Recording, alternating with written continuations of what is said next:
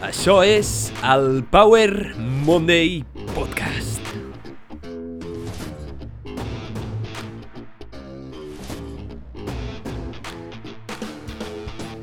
Benvinguts al Power Monday Podcast. Soc en Pau, el teu apassionat de salut, inspiració i ciència, i estic molt agraït de que estiguis escoltant aquest episodi. Imagina't que se t'apareix un geni dels desitjos, un geni que et pot coincidir un sol desig, el desig que tu vulguis. Què desitjaries? Com que ets molt intel·ligent i molt espavilat, probablement li diries al geni que et coincidís el desig de poder fer més desitjos. Així tindries desitjos il·limitats. Però, i si se t'aparegués un geni que només et coincidís el desig d'aprendre qualsevol habilitat o qualsevol tècnica? Quina habilitat de totes les d'aquest planeta aprendries? Quina habilitat li demanaries al geni que t'ensenyés? En aquest cas, si tornessis a ser espavilat, demanaries que t'ensenyés l'habilitat d'aprendre. D'aprendre més ràpid i d'aprendre-ho tot. Així podries aprendre qualsevol cosa. Aquest és un superpoder que tots tenim dins nostre, tot i que no se'n parla, i d'això parlaré en aquest episodi, de l'habilitat més important de totes en aquest món, l'habilitat que ningú t'ensenya a vegades, l'habilitat d'aprendre. I és que, si aprenem a aprendre, podrem aprendre qualsevol cosa més ràpidament. No sé per què dic ràpidament tan lent. El cas és que sóc una persona que li agrada molt aprendre, conèixer noves habilitats, noves tècniques físiques increïbles que em fan sentir molt bé. Així que en els últims dies he estat reflexionant i investigant sobre com aprendre més ràpid, Quins són els tres factors més importants a l'hora d'aprendre? Com aprendre millor? Com aprendre moltes habilitats en aquesta vida? Quantes habilitats es poden aprendre i quant temps es requereix per aprendre una nova habilitat? En aquest episodi porto, doncs, consells pràctics basats en l'evidència, informació, filosofia i molt més. Aquest episodi t'ha de servir com una condensació de coneixements i principis que et poden ajudar a aprendre més coses més ràpid i millor per viure en aquesta vida allò que vols viure, aprendre habilitats que et fan sentir viu i increïble. Abans de res, deixa'm fer-te com sempre un petit recordatori.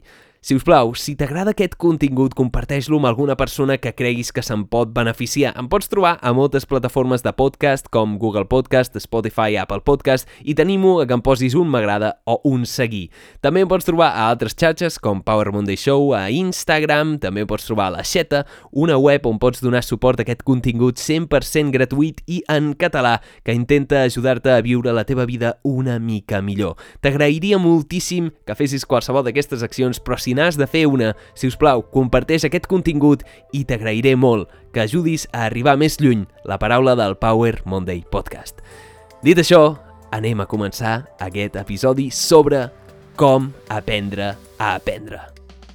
Es veu que Abraham Lincoln, una vegada passejant pels boscos d'Estats Units, els preciosos boscos d'Estats Units, va dir una vegada, tot cofoi, Dóna'm sis hores per tallar un arbre i em passaré la primera hora esmolant la meva destral. Dóna'm sis hores per tallar aquell arbre i em passaré la primera hora esmolant la meva destral. No sé per què em poso aquesta veu. El cas és que, si tinguessis un temps determinat per tallar un arbre, dedicar gran part del temps a esmolar la teva eina, la teva destral, seria realment molt savi. També dedicar una bona part del temps en pensar i decidir com tallar l'arbre també seria savi. I això es pot aplicar a moltes accions en aquesta vida, però sobretot a l'aprenentatge. I és que si vols aprendre qualsevol cosa, és molt savi passar part del temps investigant sobre aquella cosa passar temps esmolant les teves eines per després tenir molta més facilitat per aprendre l'habilitat, per aprendre de manera més efectiva. I d'això parlarem una mica en aquest episodi, sobre aprendre, aprendre, perquè puguis aprendre qualsevol habilitat.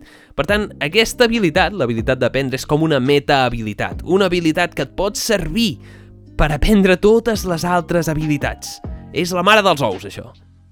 Tot i això, i que sigui completament necessari esmolar la destral o aplanar el camí per aprendre qualsevol cosa, si ens passem massa estona en la fase de preparació, no aprendrem mai res. Per tant, vull deixar-te clara aquesta lliçó en l'episodi, perquè avui compartiré molta informació, però amb la gran quantitat d'informació i accessibilitat, a l'hora d'aprendre noves habilitats, ve veig que molts ens quedem atrapats en una preparació perpètua, sempre buscant la millor manera de fer les coses, sempre oblidant que per aprendre hem d'actuar i utilitzant el fet d'esmolar la nostra destral com un mètode per procrastinar l'habilitat que volem aprendre.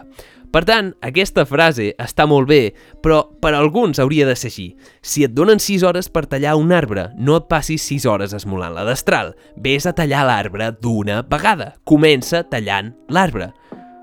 Per tant, és important esmolar, és important la preparació, però no et quedis en la preparació perpètua, perquè la preparació sempre és necessària, però la preparació perpètua conduirà inevitablement al fracàs. Aquesta és la primera lliçó d'aquest episodi i espero que t'hagi quedat clara. Esmola la teva destral, però no t'hi passis massa estona perquè si no l'arbre es podrirà i no el podràs ni tallar. Així que no ens quedem en la preparació perpètua, anem a veure informació pràctica i real que espero que t'ajudi molt i molt. I primer tinc una pregunta per tu. Quina habilitat vols aprendre? Quines habilitats vols aprendre? Potser vols aprendre a programar, vols aprendre un nou llenguatge, vols aprendre a fer trucs de màgia, a ballar, alguna habilitat física, alguna habilitat de coneixement. Quina habilitat vols aprendre? Queda't amb aquesta habilitat que t'apareix primer al cap, perquè aquest episodi t'ajudarà a aprendre-la més ràpid i millor. Així que anem directament a la pregunta que ens importa a tots. I és quantes hores es necessiten per aprendre una nova habilitat? Quantes hores necessitem per aprendre una nova habilitat? Aquesta és una pregunta que m'he fet diverses vegades. I després d'investigar molt sobre el tema he trobat la clàssica resposta incòmoda. Depèn. I depèn de moltes coses, però tot i que depèn de moltes variables que veurem en aquest episodi, depenen concretament de tres variables principalment, quan mirem el temps que requereix la gent que es proposa per aprendre una nova habilitat podem observar un patró clar, una corba d'aprenentatge. És que tots sabem que si practiques prou temps en una cosa amb un mètode acceptable, acabaràs millorant. Al principi no en tindràs ni idea, però en poc temps milloraràs moltíssim fins que arribaràs en un, en un temps que es coneix com el plató i cada vegada et costarà més i més millorar. I és que el progrés a l'hora d'aprendre una habilitat és logarítmica. Al principi aprens molt ràpid i després et frenes. És molt important, però, conèixer el teu propòsit. Si el teu propòsit és ser un atleta professional, el temps que hauràs de dedicar serà clarament superior. Però si vols aprendre habilitats simplement per passar-t'ho bé, el temps serà clarament inferior. Llavors, la pregunta aquí ve a ser quant temps es requereix per passar de ser una persona completament incompetent amb una habilitat a ser una persona raonablement decent en aquella habilitat. Quant temps necessito per aprendre una habilitat, almenys de forma decent? La resposta és 20 hores. I això és sorprenent, i és que els estudis ens ensenyen que per aprendre una habilitat millor que la mitjana, en 20 hores n'hi ha més que suficient. En 20 hores de pràctica intencionada seràs molt més hàbil que la majoria en qualsevol cosa. I és que si poses 20 hores de treball per aprendre una nova habilitat et sorprendrà a tu mateix com de bo ets. I ara, clar, en aquest podcast no puc ensenyar gràfics, però si vols pots mirar a la descripció on hi ha un link a veure aquest gràfic i és la curva d'aprenentatge al llarg del temps. Sabem que la corba és logarítmica, és a dir, que creix molt ràpidament al principi i mica en mica es va frenant. Per tant, les primeres 20 hores seran les hores més divertides, les hores en les que aprendràs més. Així que, si vols aprendre una habilitat i simplement vols arribar a un nivell acceptable, en 20 hores pots aprendre a tocar la guitarra fàcilment, pots aprendre a tocar el piano, encara que sigui de manera mediocre, serà molt superior a la manera en la que l'estàs tocant ara. Només 20 hores de pràctica intencionada portaran a uns nivells bastant acceptables. Aquesta és la segona lliçó d'aquest episodi, i és que a vegades no calen les famoses 10.000 hores per aprendre.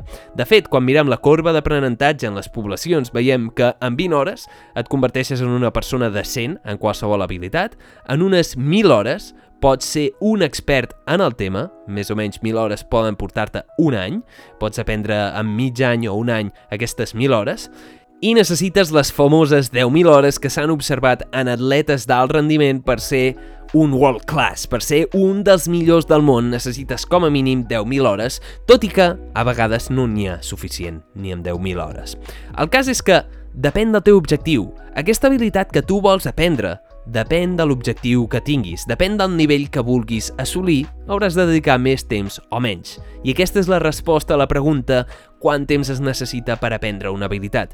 Primer de tot depèn de tres variables que veurem d'aquí poc i segon de tot depèn del teu objectiu, i és que què és per tu aprendre una habilitat? Com et deia, en aquest episodi parlarem d'aprendre a aprendre, però abans de començar a veure els tres variables fonamentals i bàsiques de qualsevol procés d'aprenentatge, deixa'm dir-te quatre principis bàsics que pots aplicar ara mateix per començar a aprendre qualsevol habilitat. I si vols, pots fer pausa en aquest episodi i estaré molt content de que comencis a aprendre aquesta habilitat i passis a l'acció. El primer consell o principi bàsic seria que deconstrueixis l'habilitat o cosa que vols aprendre. Perquè tinc una pregunta. Com et menjaries un elefant? Com et menjaries un elefant? La resposta és fàcil. A queixalades. A trossos. Perquè quan volem aprendre una nova habilitat, se'ns fa com un elefant, se'ns fa enorme i no podem veure per on començar. El que pots fer, el consell més fàcil que et puc donar per començar, per exemple, a aprendre a tocar la guitarra, és que comencis pel principi – poc a poc, que la xalada que xalada, tard o d'hora et menjaràs aquest elefant i aniràs millorant. Així que deconstrueix l'habilitat, deconstrueix els processos que es necessiten. Si vols aprendre la guitarra, primer de tot aprendràs a tocar els acords bàsics, perquè si no és molt fàcil veure's saturat, superat per la gran quantitat d'informació que hi ha en aquest planeta. I pot ser que caiguis en el que et comentava al principi, en esmolar molt la teva destral, en buscar massa coneixement i no passar a l'acció. Així que per menjar-te aquest elefant, per deconstruir aquesta habilitat, comença per la primera queixalada. Talles un trosset i vas menjant. Aquest és el consell número 1. Segon consell, aprèn prou per autocorregir-te. I és que has de buscar prou de informació per saber almenys que si estàs fent malament alguna cosa. Aprèn prou per autocorregir-te. Crea un fonament bàsic. Amb poca informació n'hi ha suficient, no fa falta que et vegis tot YouTube. És molt més important sovint l'acció que la preparació, però la preparació és necessària. És molt fàcil caure en la trampa de buscar massa informació i procrastinar. Així que aquest és el segon consell. Aprèn prou, almenys, per autocorregir-te. El tercer consell és elimina les barreres, elimina les distraccions. I és que no hi ha res millor que una pràctica deliberada, una pràctica conscient fora de distraccions. Si vols aprendre una habilitat, centra't en aquella habilitat única i exclusivament. Deixa el mòbil, deixa les xarxes socials, deixa les coses lluny i centra't en aprendre aquella habilitat. A vegades, 20 minuts de pràctica, pràctica deliberada és molt millor que una hora de pràctica no intencionada. Aquest és el tercer consell. I el quart, ja te l'he dit, és practica almenys 20 hores. Si vols aprendre una habilitat, no et rendeixis abans de les 20 hores, perquè en 20 hores pots fer un progrés increïble. Sigues compromès en seguir almenys 20 hores, que són 30 minuts al dia durant 40 dies i ja seràs molt millor que la mitjana. Per tant, aquests són els quatre principis bàsics amb els que ja pots marxar d'aquest episodi si vols i començar a aprendre aquesta habilitat. Deconstrueix-la, aprèn prou fins a autocorregir-te, elimina les distraccions i practica almenys 20 hores. Però això són només els bàsics perquè comencis la nova habilitat. Ara sí, anem a veure com aprendre a aprendre. Quines són les variables a l'hora d'aprendre? Què determina que aprenguis amb èxit, més ràpid o més lent, una habilitat? Això determinarà si triomfes o fracasses, perquè el teu aprenentatge depèn fonamentalment de tres factors. En qualsevol habilitat, en qualsevol sector, tot depèn de tres factors. I saber aquests tres factors t'ajudarà moltíssim. Aquests tres factors són els següents. Atenció, el temps, el mètode d'aprenentatge i la intensitat emocional. Si entens aquests tres factors, aquestes tres variables, i els domines, pots aprendre qualsevol cosa que t'imaginis. Temps, el mètode i la intensitat emocional. Així que ara anirem veient un per un aquests factors i veuràs que n'hi ha un que és el més important de tots, que serà la lliçó més important d'aquest episodi i espero que t'agradi. Però anem a començar, primer de tot, amb el temps. El temps és un dels factors més importants a l'hora d'aprendre qualsevol cosa. Més temps quasi sempre implica més progrés, més aprenentatge. Però a part de les hores que dediquem, hi ha una cosa que està clara. El més important és la constància en el temps, més que el temps o les hores en concret. I és que pots passar moltes hores en un dia, però si no ets constant, si no dediques temps constantment les hores no tindran el mateix efecte. Per aprendre qualsevol habilitat, el que es necessita en realitat són repeticions. Però no només repeticions, sinó repeticions al llarg del temps, per estimular la creació de noves vies neuronals i generar la deposició de mielina a les teves neurones que farà que aquestes xarxes s'activin més ràpida i eficaçment. Ara posaré un exemple en el teu cervell perquè entenguis com funciona el teu cervell a nivell biològic a l'hora d'aprendre qualsevol cosa, o a l'hora de generar noves xarxes neuronals, que és el fet d'aprendre. Per aprendre hem de crear noves connexions o almenys generar més mielina perquè certs comportaments s'estimulin de manera més constant o més habitual. Imagina't que el teu cervell és com un bosc, com un ecosistema ple d'arbres, ple de naturalesa pel qual és molt difícil passar, ple de brutícia i ple de muntanyes pels, per les quals has d'escalar si vols anar a certa destinació. Això és el que ens trobem al principi, quan no tenim cap habilitat, ens costa molt circular per aquest bosc, però a mesura que passem repetides vegades per aquest bosc anem aplanant el camí, anem xafant les plantes i cada vegada és més fàcil passar per aquest camí. Més endavant, quan comencem a aprendre, decidim crear un camí. Decidim destrossar els arbres, destrossar la muntanya, fer carreteres, fer túnels, i cada vegada és més fàcil passar i circular per aquest camí. Això és el fet de construir una xarxa neuronal o de construir més vaines de mielina o generar depòsits de vain a les vaines de mielina, no, no construeixes les vaines. El cas és que com més repeteixis el teu pas per aquesta xarxa, més fàcil serà circular-hi. Fins al punt que pràcticament tindràs una carretera d'alta velocitat on podràs anar fàcilment i al principi que et semblava tan complicat, ara ja no ho és tant. També, si deixes de practicar, la naturalesa tornarà a créixer. La carretera es farà malbé i cada vegada més et costarà reprendre aquella habilitat, reprendre aquella xarxa neuronal, perquè com diuen els anglesos americans, if you don't use it, you lose it. Allò que no estimules s'atròfia i el mateix passa amb la teva xarxa neuronal. Si no estimules el teu cervell, el teu cervell creu que allò ja no és necessari, per tant, deixa d'estimular-la i aquella carretera ja no estarà tan present, tot i que estarà sota la naturalesa i serà més fàcil recuperar-la que el primer cop que la vas crear. Per tant, en el nostre cervell que creem aquestes xarxes neuronals, aquests camins per defecte, que ens permeten aprendre habilitats. I aquests camins els construïm amb la constància a llarg termini. No pots construir una carretera de la nit al dia. És molt difícil que el teu cervell creï una nova xarxa neuronal molt ràpidament i és molt més probable que ho construeixi a llarg termini. Per tant, per aprendre qualsevol habilitat, el que has de dedicar és constància a llarg termini. És dedicar temps perquè el teu cervell vagi mica en mica construint aquesta habilitat. Sense el temps és impossible que aprenguis. No podràs aprendre l'habilitat simplement amb una hora.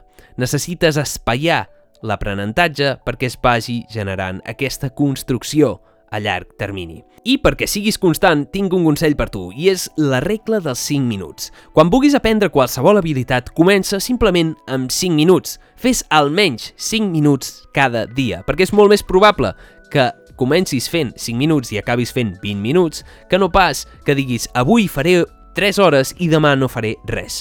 Per tant, la constància a llarg termini, essencial, comença per la regla 5 minuts i veuràs els beneficis. Dedicar temps a llarg termini i ser constant és molt important, sí, però aprendre qualsevol cosa depèn de dues variables més que tu pots controlar que no són la teva genètica. Aquestes dues variables són més importants. El segon punt important, la segon variable, el segon factor és el mètode. Perquè per molt temps que dediquis, per molt constant que siguis, si utilitzes el mètode d'aprenentatge inadequat, no avançaràs i fins i tot et pots estancar i fins i tot perjudicar a llarg termini. Perquè si passes molt de temps aprenent a fer les coses malament, després hauràs de desaprendre aquestes habilitats. Si aprens a fer les coses malament, t'estaràs perjudicant. Per tant, és important trobar un bon mètode al qual determinar-hi temps a llarg termini. Per això és més important potser a vegades el mètode que el temps que hi dediquis, tot i que moltes vegades, si estem massa centrats en el mètode, farà que no dediquem prou temps a la pràctica, que és el que molt sovint és més important. Per tant, hem de coordinar aquestes dos, però recorda que si estàs molt temps amb el mètode inadequat, pots acabar aprenent la cosa inadequada.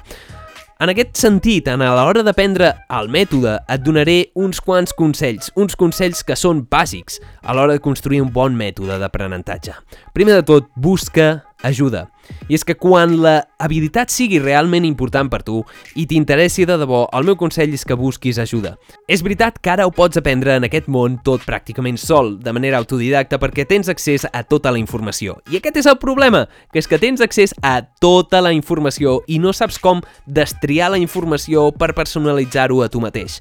Una persona que pugui jutjar de manera externa com progresses en aquesta habilitat et podrà aportar consells clau que et faran progressar per mil, de la mateixa manera que si estiguessis estudiant per tu sol. Així que busca ajuda ràpidament i maximitzaràs els teus resultats. Però recorda que el mètode o buscar ajuda o un bon professor mai substituirà la teva pràctica en el temps, la teva constància. D'acord? Han d'anar a les dues coordinades. El segon consell que et donaria per millorar el teu mètode i aprendre qualsevol habilitat és que facis una gran immersió, una gran immersió d'informació, que t'envoltis de la informació relacionada amb l'habilitat que vols aprendre. Això ens ha demostrat moltes vegades l'aprenentatge de llenguatges, de noves llengües, i és que la immersió és un punt molt important a l'hora d'aprendre. Així que, almenys durant un temps, és molt interessant envoltar-te de molta, molta informació relacionada amb el tema, perquè pràcticament per osmosis absorbiràs tota aquesta informació. Aquest és el segon consell. El tercer consell és que trobis els teus punts febles i treballis en aquests. Moltes vegades és molt fàcil començar per la part que se'ns dona bé, començar per la nostra habilitat més bona, començar pel que se'ns dona bé és més còmode. El meu consell és que facis tot el contrari. Ves a començar per als teus punts febles i examina't i avalua't i busca ajuda perquè les persones que en saben més trobin els teus punts febles. Una bona manera de trobar els teus punts febles és fer exàmens, i no exàmens per treure bona nota, sinó examinar com és la teva habilitat. Fer proves, festa proves, avalua't, grava't i envia els vídeos a la gent o a alguna persona que creguis que en pot saber més que tu. Això et donarà feedback que t'ajudarà a créixer. No intentis aprendre les coses per tu sol perquè en realitat t'estaràs perjudicant a tu mateix i aprendràs encara més a poc a poc. El penúltim consell que et puc donar per millorar el teu mètode d'aprenentatge és la separació. I és que, tant com existeix una corba d'aprenentatge, existeix el que es coneix com la corba de l'olbit, que va ser descobrida el 1800 per Hermann Ebbinghaus. Ebbinghaus. Hern Hermann Ebbinghaus. I és la curva de l'olbit. La corba de l'oblit ens diu que quan aprenem una cosa, sigui el que sigui, després d'un temps determinat, la oblidarem. En altres paraules, la nostra memòria decau en el temps. Per tant, per retenir aquesta informació, hem de trobar un punt que es coneix com la repetició espaiada. Perquè si tu aprens una nova llengua i durant 5 anys no la parles, oblidaràs la majoria. Però això es pot combatre amb el que es coneix com a repetició espaiada, aquest concepte que s'aplica per qualsevol cosa. I és que la idea és que hem d'aprendre el mateix en intervals espaiats si volem que es quedi codificat a la nostra memòria a llarg termini. Per exemple, si estigués aprenent una cançó a la guitarra, practicaria el primer dia, l'endemà, un mes després i sis mesos després. En espaiar la pràctica, anem aplanant la corba de l'oblit. I és que la corba de l'oblit és fascinant. Si vas fent pràctica contínua al llarg del temps de manera espaiada, sembla ser que la memòria es queda a llarg termini. Per tant, queda't amb aquest concepte. La repetició espaiada et permetrà mantenir la memòria a llarg termini de qualsevol habilitat. Si la teva por és aprendre habilitats per després oblidar-les, pensa en la repetició espaiada. I per últim, deixa'm dir-te el últim consell per millorar el teu mètode d'aprenentatge. I és el següent. Ensenyar és aprendre dues vegades. Ensenyar és aprendre dues vegades. Si estàs aprenent alguna habilitat, busca algú a qui li puguis ensenyar. Perquè ensenyar té una gran virtut. T'ajuda a replantejar tot allò que has après per intentar-ho explicar a una altra persona i a més a més crea vincles amb les persones amb les que ensenyes. T'ajuda a créixer molt personalment. És una eina increïble per millorar el teu mètode d'aprenentatge. Si vols aprendre una cosa ràpida, intenta-la ensenyar a una persona que t'importi, que t'importi de debò. I això em porta en el tercer punt, la tercera variable més important, perquè hem vist el temps, hem vist el mètode d'aprenentatge i ara anem al tercer. És la intensitat emocional. I és que per molt temps i per molt bo que sigui el teu mètode, i fins i tot per molt bons que siguin els teus entrenadors, tot es pot veure maximitzat o reduït per aquest sol factor, el teu propòsit, la intensitat emocional. I és que estic segur que t'ha passat alguna vegada, amb algun hobby o amb alguna habilitat que t'apassionava molt, potser quan eres petit. En poc temps has sigut capaç d'aprendre molt ràpid, però perquè hi havia una cosa que t'apassionava moltíssim. I t'apassionava més que la majoria, i això feia que aprenguessis molt més ràpid de la majoria, perquè et feia sentir increïble, et feia sentir en pau, et feia sentir un interès visceral, una curiositat pura, que feia que aprenguessis de manera fugaç, de manera increïble i que ho recordessis durant tota la teva vida. I és que quanta més atracció tens per aprendre una cosa, molt més fàcil és d'aprendre. La intensitat emocional és en realitat un multiplicador de l'aprenentatge. Si vols aprendre qualsevol cosa, si té prou implicació emocional, ho aprendràs molt fàcilment i és probable que no ho oblidis mai. La lliçó més important d'aquest episodi és la següent. I és que la barrera més gran per aprendre una habilitat no és la barrera intel·lectual, és la barrera emocional les emocions, i és que som éssers emocionals.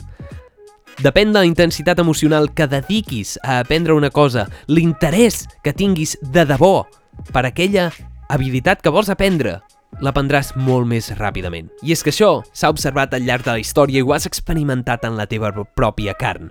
I ho hem observat amb molts atletes, atletes que en pocs anys es converteixen en el top 1%.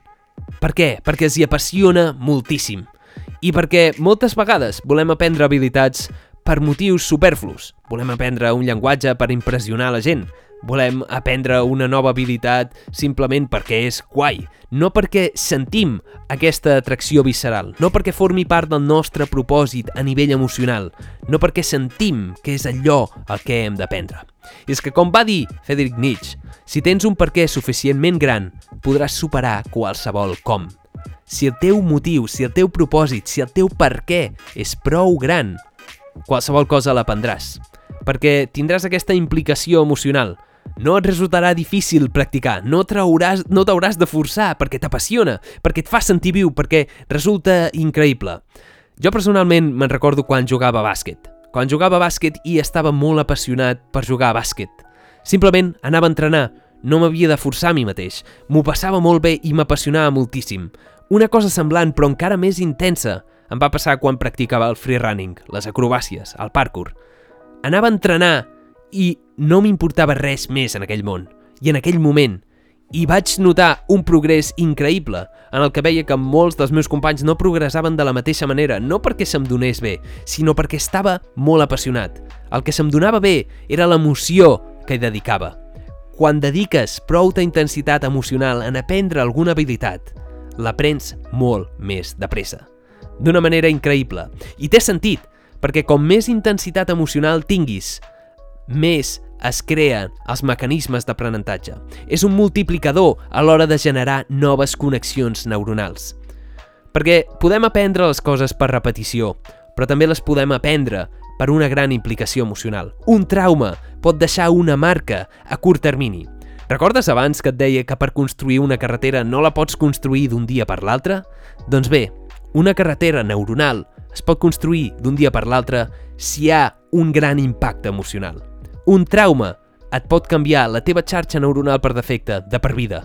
Però també un gran regal, una gran felicitat, una gran joia i gaudir de practicar habilitats és el mateix. Com més intensitat emocional tingui una habilitat o un, un hàbit que practiques, més fàcilment l'aprendràs a llarg termini. I és que té sentit, perquè les nostres memòries que es queden més gravades en el nostre cervell són les memòries més fortes, aquelles que tenen una implicació emocional. Per què? Perquè són importants per nosaltres. Per tant, quina habilitat vols aprendre tu? Quina habilitat vols aprendre purament tu? Què és allò que et crida realment la curiositat? Allò que et fa sentir viu? Allò que et fa sentir increïble? O et faria sentir increïble? Busca propòsits, busca motius purs, nobles, curiositat, passió, i no busquis l'objectiu d'impressionar la gent, o per caure millor, o simplement per millorar el teu currículum. Simplement reflexiona quin és el teu propòsit. I quan entenguis el propòsit a l'hora d'aprendre les habilitats que vols aprendre, tot serà molt més fàcil. Intenta que hi hagi una alta implicació emocional. Una bona manera també de fer una bona implicació emocional és fer-ho amb més gent fer que sigui més gran que tu, fer que aquests objectius d'aprendre les habilitats signifiquin i vagin molt més enllà. Per tant, si vols aprendre millor i més ràpid, tingues en compte aquests tres principis dels que t'he parlat. Dedica temps i pràctica constant intencionada. El segon consell és que refina un mètode que s'ajusti a tu i troba ajuda d'un professional que t'ajudi a maximitzar les teves possibilitats quan vulguis aprendre una habilitat de manera adequada. I per últim, alinea el teu propòsit i troba allò que t'apassiona realment, allò que fa saltar el teu cor per aprendre de manera intencionada i deixa els objectius superflus com impressionar a les altres persones. Aprèn allò que t'emociona. A part d'això, deixa'm afegir dos principis més abans d'acabar aquest episodi que crec que et poden ajudar moltíssim. En primer lloc, el principi de Pareto. El principi de Pareto és la regla del 80-20. La regla del 80-20 és molt fàcil d'entendre. I és que, matemàticament, es veu que en molts processos el 80% dels resultats provenen del 20% de les accions. Així que aquest concepte es pot aplicar a molts nivells, però a l'hora d'aprendre habilitats, recorda que el 80% dels resultats venen del 20% de les teves accions. Hi han petites accions que són les més determinants. Millora aquelles accions, centra més temps en aquelles accions. El segon principi que et vull recordar a l'hora de l'aprenentatge és l'efecte de Dunning-Kruger, i és un efecte interessant. L'efecte de Dunning-Kruger és bàsicament un viatge cognitiu pel qual les persones amb una baixa habilitat en una feina sobreestimen la seva habilitat. És simplement que al principi aprenem tan ràpidament que arribem al pic de l'estupidesa. I en aquest pic d'estupidesa, en els que ens creiem que sabem molt perquè hem après molt ràpidament i hem après tan ràpidament que no sabem el que hi ha a saber, jutgem que en sabem moltíssim. I és un efecte que estem veient a nivell poblacional, l'efecte de Dunning-Kruger, i ens pot arribar a perjudicar. Per tant, no sobreestimis molt la teva capacitat quan aprenguis al principi i recorda que tots som subjectes de l'efecte de Dunning-Kruger. I tampoc vull que caiguis en el ball de la desesperació que arriba després del món de l'estupidesa. Això té més sentit si mires el gràfic, que no et puc compartir ara mateix, però busca efecte de Dunning-Kruger. I és aquest fet que ens explica com pot ser que gent estúpida es cregui molt intel·ligent perquè simplement no sap que no sap. Aquest és l'efecte de Dunning-Kruger, per tant, molt ràpidament, principi de Pareto i efecte de Dunning-Kruger. Busca els dos, són dos efectes psicològics molt interessants amb els que podríem estar parlant tot l'episodi, però que són importants a l'hora de l'aprenentatge i a l'hora de l'aprenentatge percebut. Per últim, hi ha una pregunta que també et pots fer, i és quantes habilitats es poden aprendre alhora? Aquesta és una pregunta molt interessant. La resposta és les que vulguis, sempre i quan dediquis pràctica intencionada constant a aquestes habilitats amb un bon mètode. Tot i això, seguint el principi de Deep Work de Cal Newport, la nostra atenció és com una lupa que magnifica la llum del sol. Si magnifica aquesta llum del sol en un punt en concret, ens pot arribar a permetre encendre foc. Com més concentrada estigui aquesta llum, la nostra atenció, en un punt, més ràpid cremarà. Per tant, és molt important el focus, centrar-se en aprendre una sola habilitat. Et pot permetre aprendre aquella habilitat més ràpid i passar després al següent. I és que aquesta és la meva opinió, perquè sovint, personalment, intento fer masses coses. Intento aprendre masses habilitats, llegir masses llibres, vull fer moltes coses i tinc molts projectes i acabo fracassant pràcticament en tots perquè no en faig cap de bé. En els últims anys m'he donat que és molt millor dedicar-ho tot a una única habilitat i després passar a la següent, tot i que moltes vegades caic a la trampa d'aprendre moltes habilitats com a tècnica de procrastinació. Per tant, escull una habilitat i apren-la.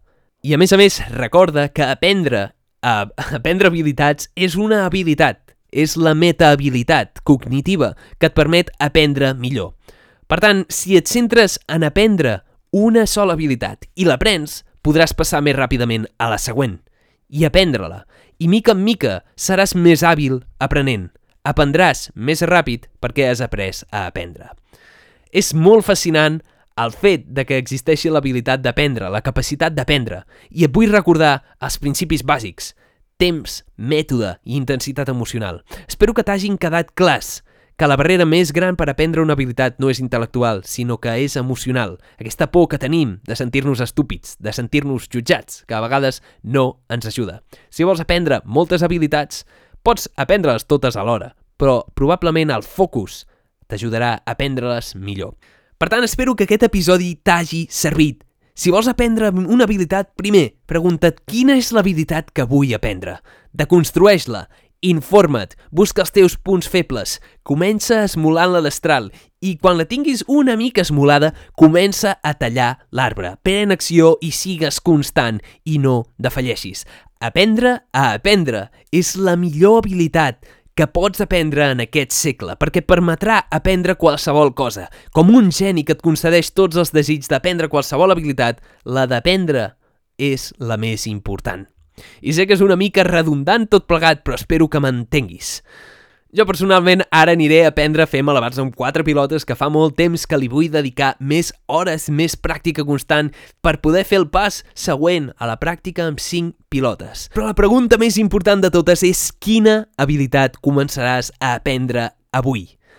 Quant temps dedicaràs? Quan comences a aprendre aquesta habilitat que quan l'aprenguis et farà sentir viu?